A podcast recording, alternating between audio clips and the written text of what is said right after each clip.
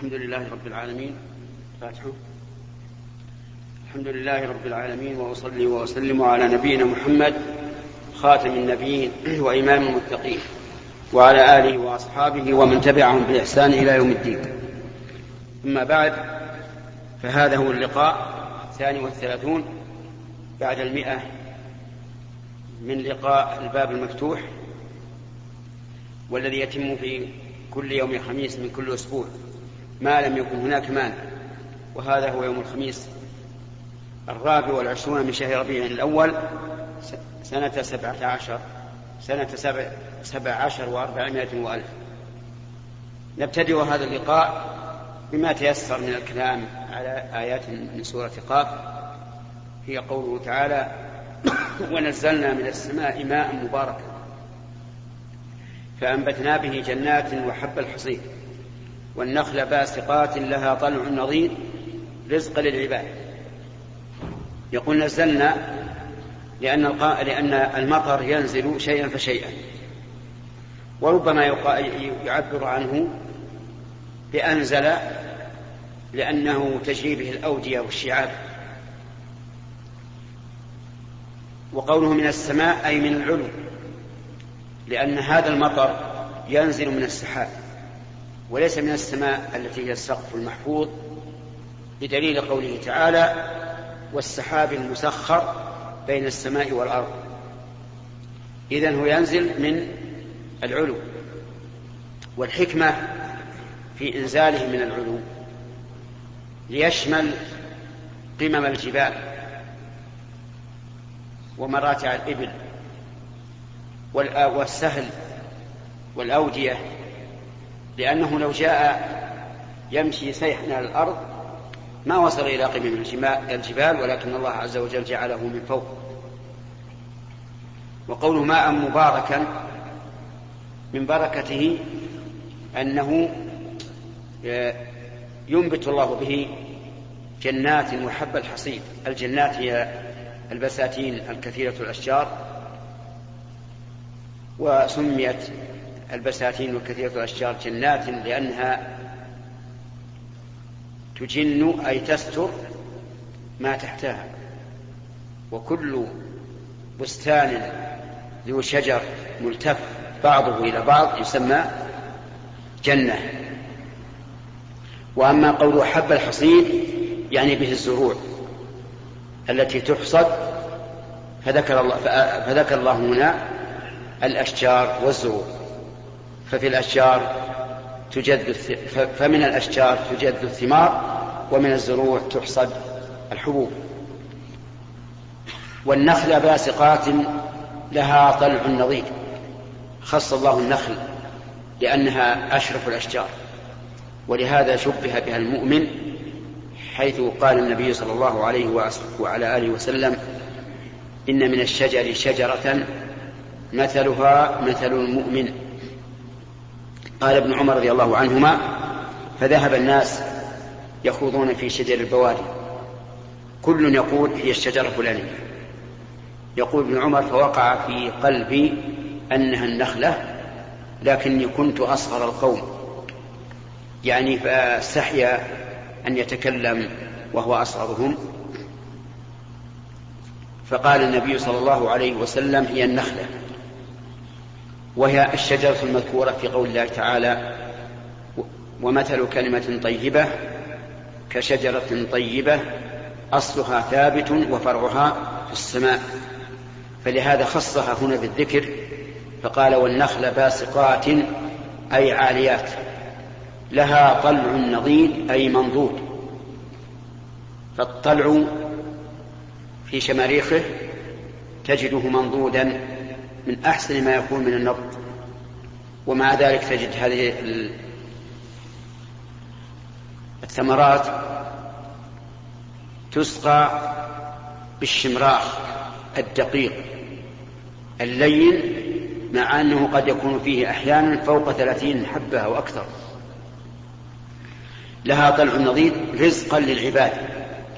أي فعلنا ذلك أنزلنا من السماء ماء فأنبتنا به جنات وحب الحصيد والنخل باسقات فعلنا ذلك رزقا للعباد أي عطاء وفضلا للعباد.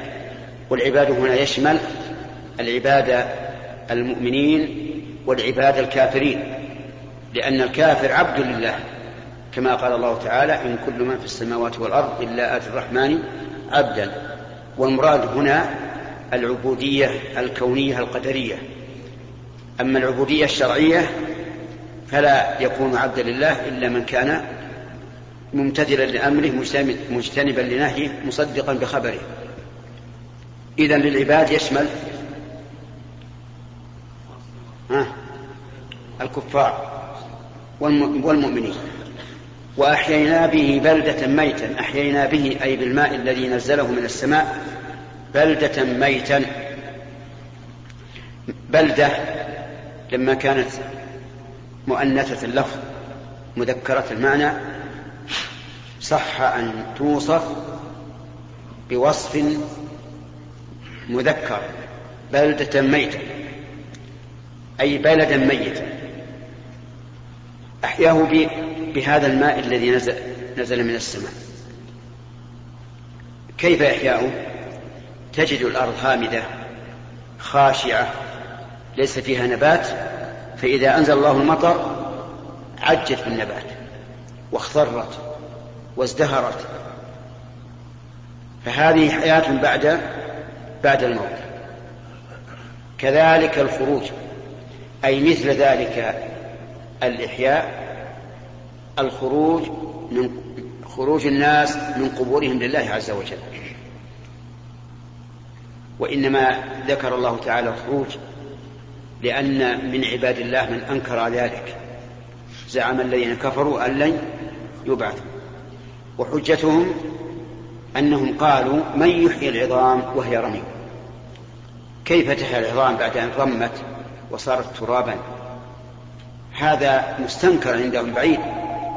ولكن الله سبحانه وتعالى بين أنه ليس ببعيد وأنه كما يشاهدون الأرض الميتة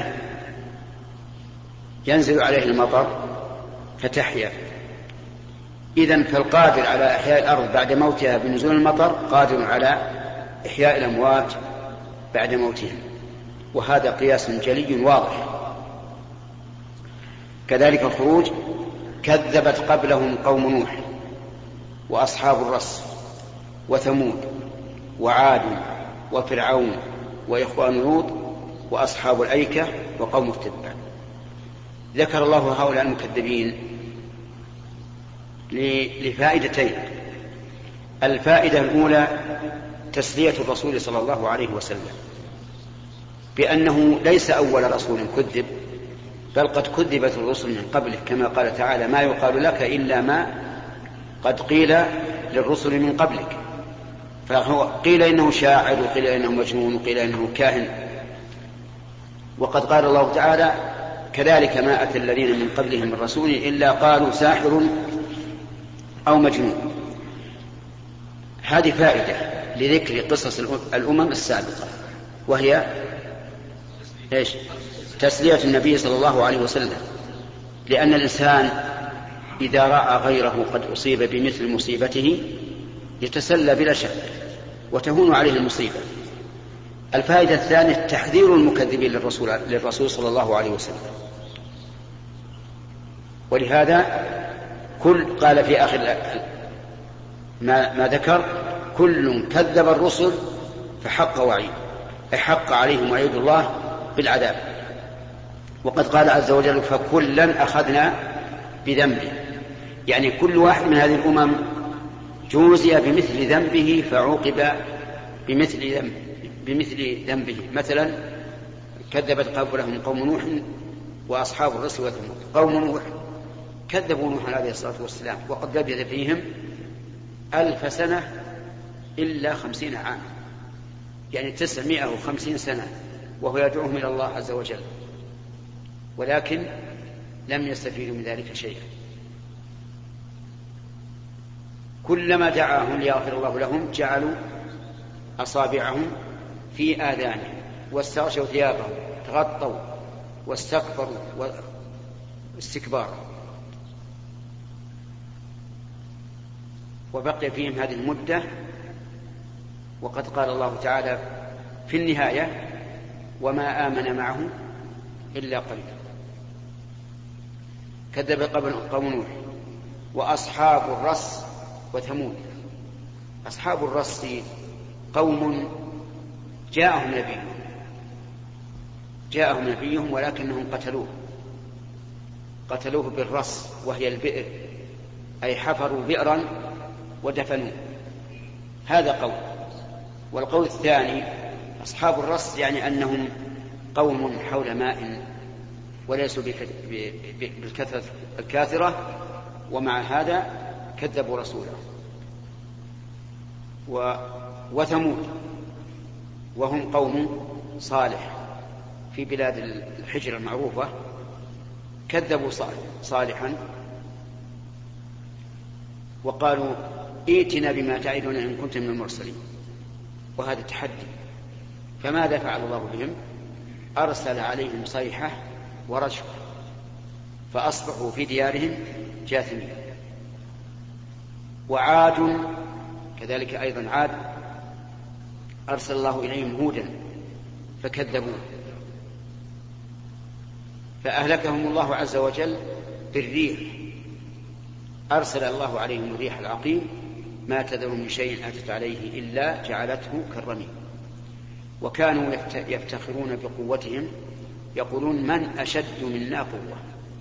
فأراهم الله عز وجل قوته وأهلكهم بالريح اللطيفة التي لا يرى لها جسم ومع ذلك دمرتهم تدميرا.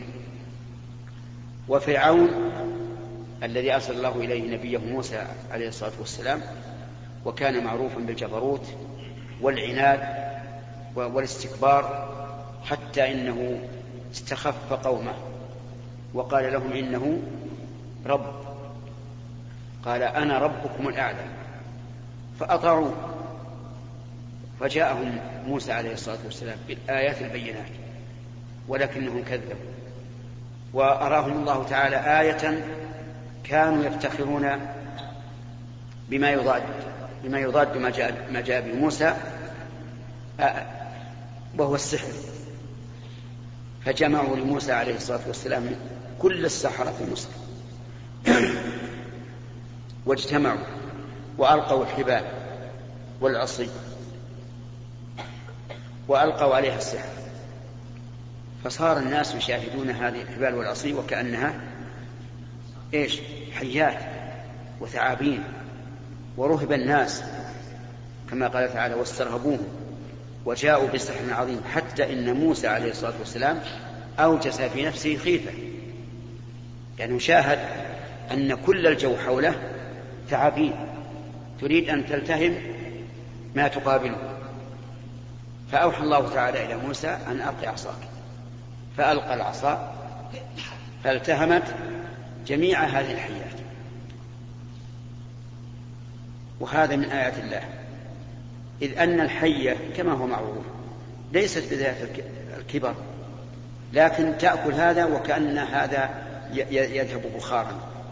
إذا أكلت هذه الحبال والعصي.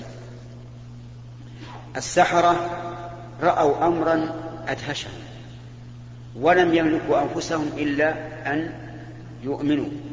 ومع ذلك إيمانا تاما ألقي السحرة ساجدين وتأمل قوله تعالى ألقي السحرة ساجدين ولم يقل سجدوا. كأن هذا شيئا اضطرهم إلى السجود.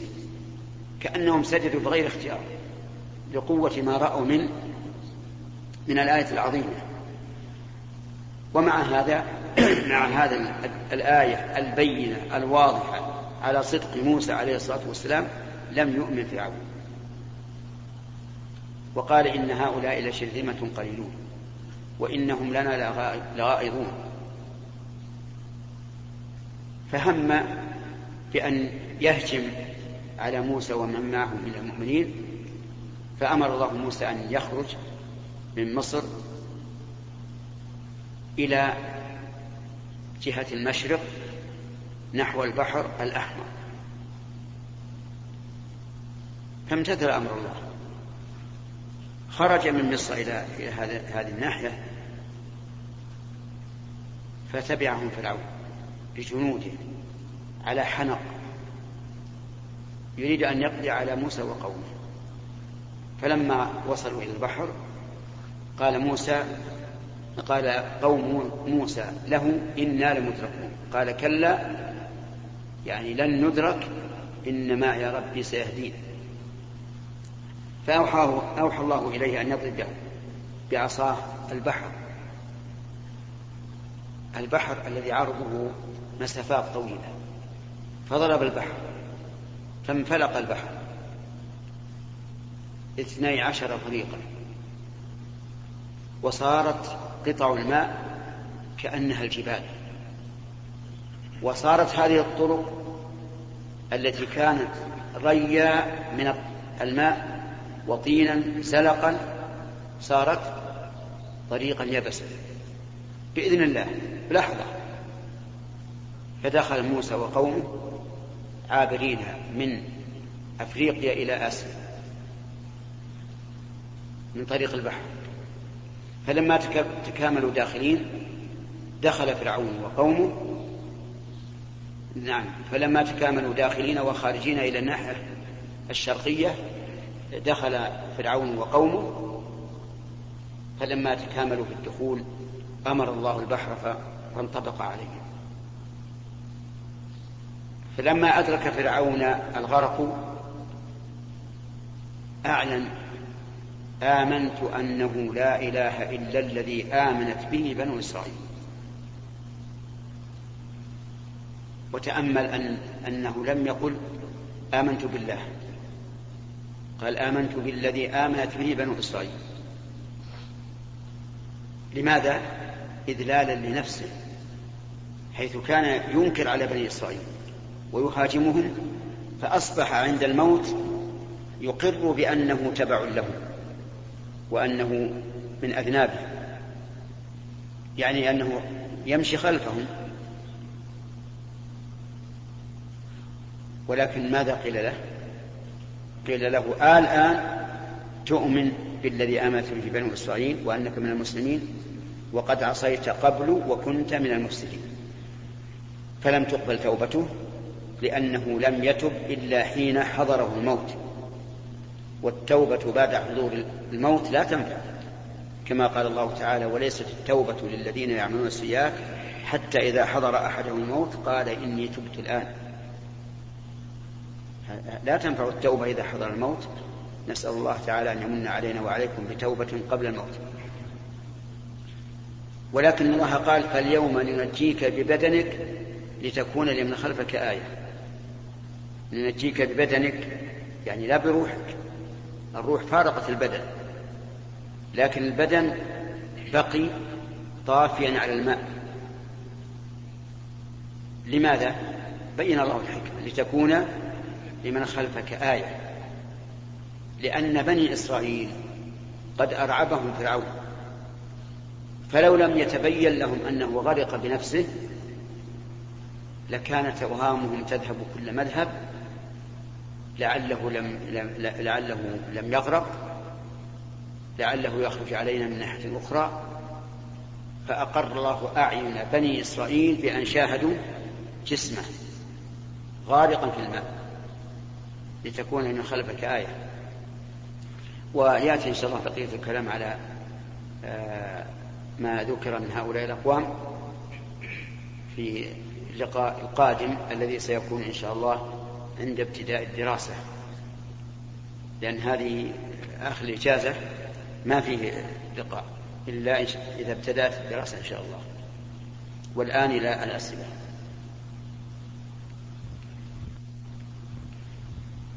ولكل واحد سؤال فقط. ومن كان من من أهل البلد فلا حق له في السؤال. لأن النبي صلى الله عليه وسلم قال من كان يؤمن بالله واليوم الآخر فليكرم فليكرم ضيفه. نعم. تفضل. تفضل. بسم الله الرحمن الرحيم. آه شيخ بارك الله فيك نريد آه نريد ضابط الإقسام على الله عز وجل المذكور في الحديث. وهل يجوز على إطلاقه أو الإقسام على الله إنما يكون من يقين المرء وإيمانه. وتصديقه وتعلقه بالله. وليس كل من أقسم على الله يبره لأن النبي صلى الله عليه وسلم قال إن من عباد الله من لو أقسم على الله لأبره والإقسام الذي يكون حامل عليه الإعجاب بالنفس وبالعمل لا يمكن أن الله يبره أبدا بل بالعكس. ولهذا قيل للذي رأى المسرف على نفسه والله لا أغفر وقال والله لا أغفر الله لفلان قال الله له من ذا الذي يتألى علي أن لا أغفر لفلان قد غفرت له وأبطلت عملك اليمين. جزاك الله خير. أحسن الله إليك يا شيخ. بالنسبة لصلاة الجمعة هل يصح أن تؤدى قبل الزوال؟ آه، إذا صلى إمامك في بلدك فصل. حتى لو صلى قبل الفجر فصل. أنت تعرف الآن الجمعة. كل الناس لا يؤدونها إلا بعد الزوال. لأن جمهور العلماء على أنها لا تؤدى إلا بعد الزوال. ولا أعلم أن أحدا خالف وأداها قبل الزوال. أما أهل العلم فقد اختلفوا فيها. في دخول وقتها فمنهم من يقول يدخل وقت الجمعة من حين ارتفاع الشمس قيد رمح يعني دخول وقت صلاة الجمعة كدخول وقت صلاة العيد إلى صلاة العصر. وبعضهم يقول إن وقت صلاة الجمعة يدخل بعد الساعة الخامسة يعني في الساعة السادسة أي قبل الزوال بساعة. وبعضهم يقول لا يدخل إلا بعد الزوال كصلاة الظهر فالمسألة خلاف. لكن نحن والحمد لله محكومون بحكومة تتبع الشرع. ولا ينبغي للإنسان أن يشذ عن الناس. وقد صدر من هيئة كبار العلماء في المملكة المنع من أن يتقدم أحد من أئمة الجمعة قبل الزوال اتباعا لأكثر أهل العلم ولتتفق الكلمة ولئلا يتقدم أحد فيصلي قبل الزوال ثم يكون هذا فسحة للمتخلف عن الجمعة إذا أمر قال صليت في المسجد الفلاني. عرفت؟ فأنت الآن عرفت خلاف العلماء. أما من ناحية من الناحية العملية فالواجب على الأئمة أن يتبعوا ما يأمرهم به ولي الأمر. لأن هذا من الأمور المباحة مو حرام. وأنا قلت لك قبل قليل لو لو صلى إمامك قبل الفجر من باب الفرض ولا عاد ما أحد رأي بيصلي الجمعة قبل الفجر. نعم. لكن الإنسان يتبع ما تأمره به ولاة أمره نعم. شيخ أحسن الله إليك شيخ. هل يجوز شيخ التعامل بالبيع والشراء مع رجل اختلطت أمواله بالحلال والحرام؟ هل يجوز التعامل بالبيع والشراء مع رجل اختلطت أمواله بالحلال والحرام؟ وهل يدخل ذلك في قول النبي صلى الله عليه وسلم فمن اتقى الشبهات؟ أي نعم يجوز للإنسان أن يعامل من في ماله حلال وحرام بالبيع والشراء.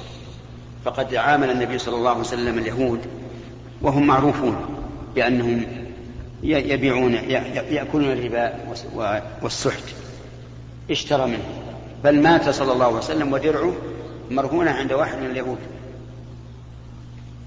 وما أحسن وباعتبار أنك طالب علم ما أحسن أن تراجع شرح ابن رجب رحمه الله على الأربعين النووية على حديث النعمان بن بشير. الحلال بين والحرام بين فقد ذكر ما تطيب به نفسك إن شاء الله.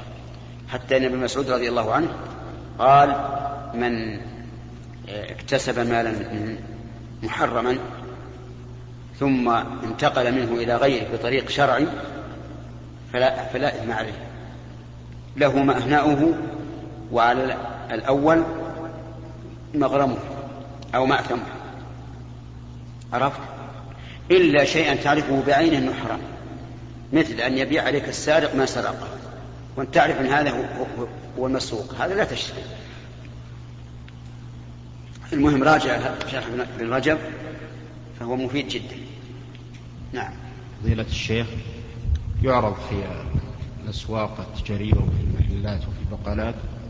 صور مجلات من المجلات الوافدة فيها صور نساء ظاهرة للعيان الخارج والداخل. فما أدري هل يحق للإنسان أن يمزق هذه الصور آه، للحديث من رأى منكم منكرا وما أدري الهدف من إدخال هذه المجلات. لم تمنع. والله يا محب المجلات الذي أشرت إليها لا شك أنها تكدر الخاطر وتولد الأسف والحزن أن يرد إلى بلادنا مثل هذه المجلات الفاسدة المفسدة. وكذلك أيضا يوجد في, في المجلات الواردة إلينا من الأفكار المناقضة للدين تماما والأخلاق. ربما يكون إفسادها أكثر من إفساد صورة خالعة. وأما مسألة تغييرها باليد فإنه يحدث به أو يحصل به مفاسد أكبر. أكبر من بقائها. وهي أيضا لن تزول. لو لو مزقتها اشترى بذلك ويحصل مفاسد. وأن تعرف الآن أنه مثلا لو أن أحد أقدم هذا الإقدام وليس له السلطة من قبل ولي الأمر لكان في ذلك مفسدة ليس عليه هو فقط بل على كل الدعاة. ولا أخذ الناس صورة سيئة عن الدعاة. ولهذا يجب أن يكون الإنسان حكيما.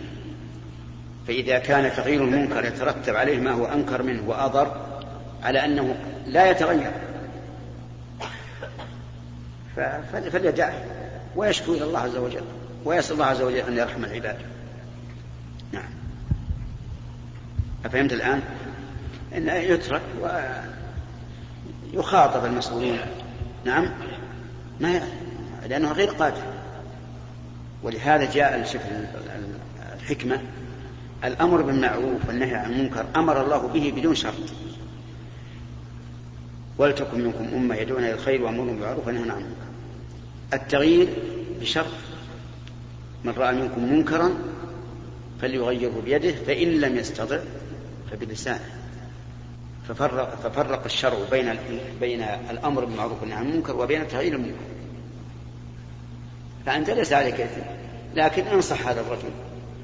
مره بالمعروف انهه عن المنكر حذره وقل إنما اكتسبته من هذه المجلات حرام عليك. وإذا تغذى بدنك به فالنار أولى به وما أشبه ذلك من المواعظ المعروفة. نعم. شيخ عفى الله عنك. ما إذا إذا كان رجل في بلده يصعب عليه أن يعمل في مكان لا يوجد فيه نساء حيث أن هذا البلد يكثر فيه عمل النساء. فما الحكم شيخ؟ هل يعمل لأن المجالات التي فيها النساء أكثر المجالات في معظم الدوائر تجد فيها نساء شيخ؟ فما الحكم؟ هل يعمل ولا إذا كان بارك الله فيك يمكنه أن يعمل في مكان ليس فيه نساء فليدع هذا المكان اللي فيه النساء ويعمل فيه. إذا كان لا يمكنه وهو محتاج إلى العمل. فليعمل وليحرص على البعد عن النساء وليغض بصره. واتقوا الله فاتقوا الله ما استطعتم. نحن الآن في مثلا في بلد يعني لو كنا في بلد النساء تخرج متبرجة متطيبة. هل نقول لا تخرج للصلاة لأن السوق مملوء من, هؤلاء النساء؟ لا. هل نقول لا تخرج تأتي بحوائج البيت؟ لا. فإذا احتجت إلى إلى العمل في هذا المكان الذي فيه النساء ولم تجد غيره وأنت في حاجة إلى المال فاعمل واحرص على البعد عن النساء وغض البصر. نعم. فضيلة الشيخ إذا صلى خلف الصف رجل والصف الأول لم يكتمل والشخص والصف الأول لم يكتمل فما حكم صلاته مع أنه جاهل؟ يعني صلى خلف الصف جاهلا منه يعني ما يعلم أن هذا لا يجوز. أينما الصحيح أنه إذا صلى خلف الصف منفردا. من فضلك اقلب الشريط.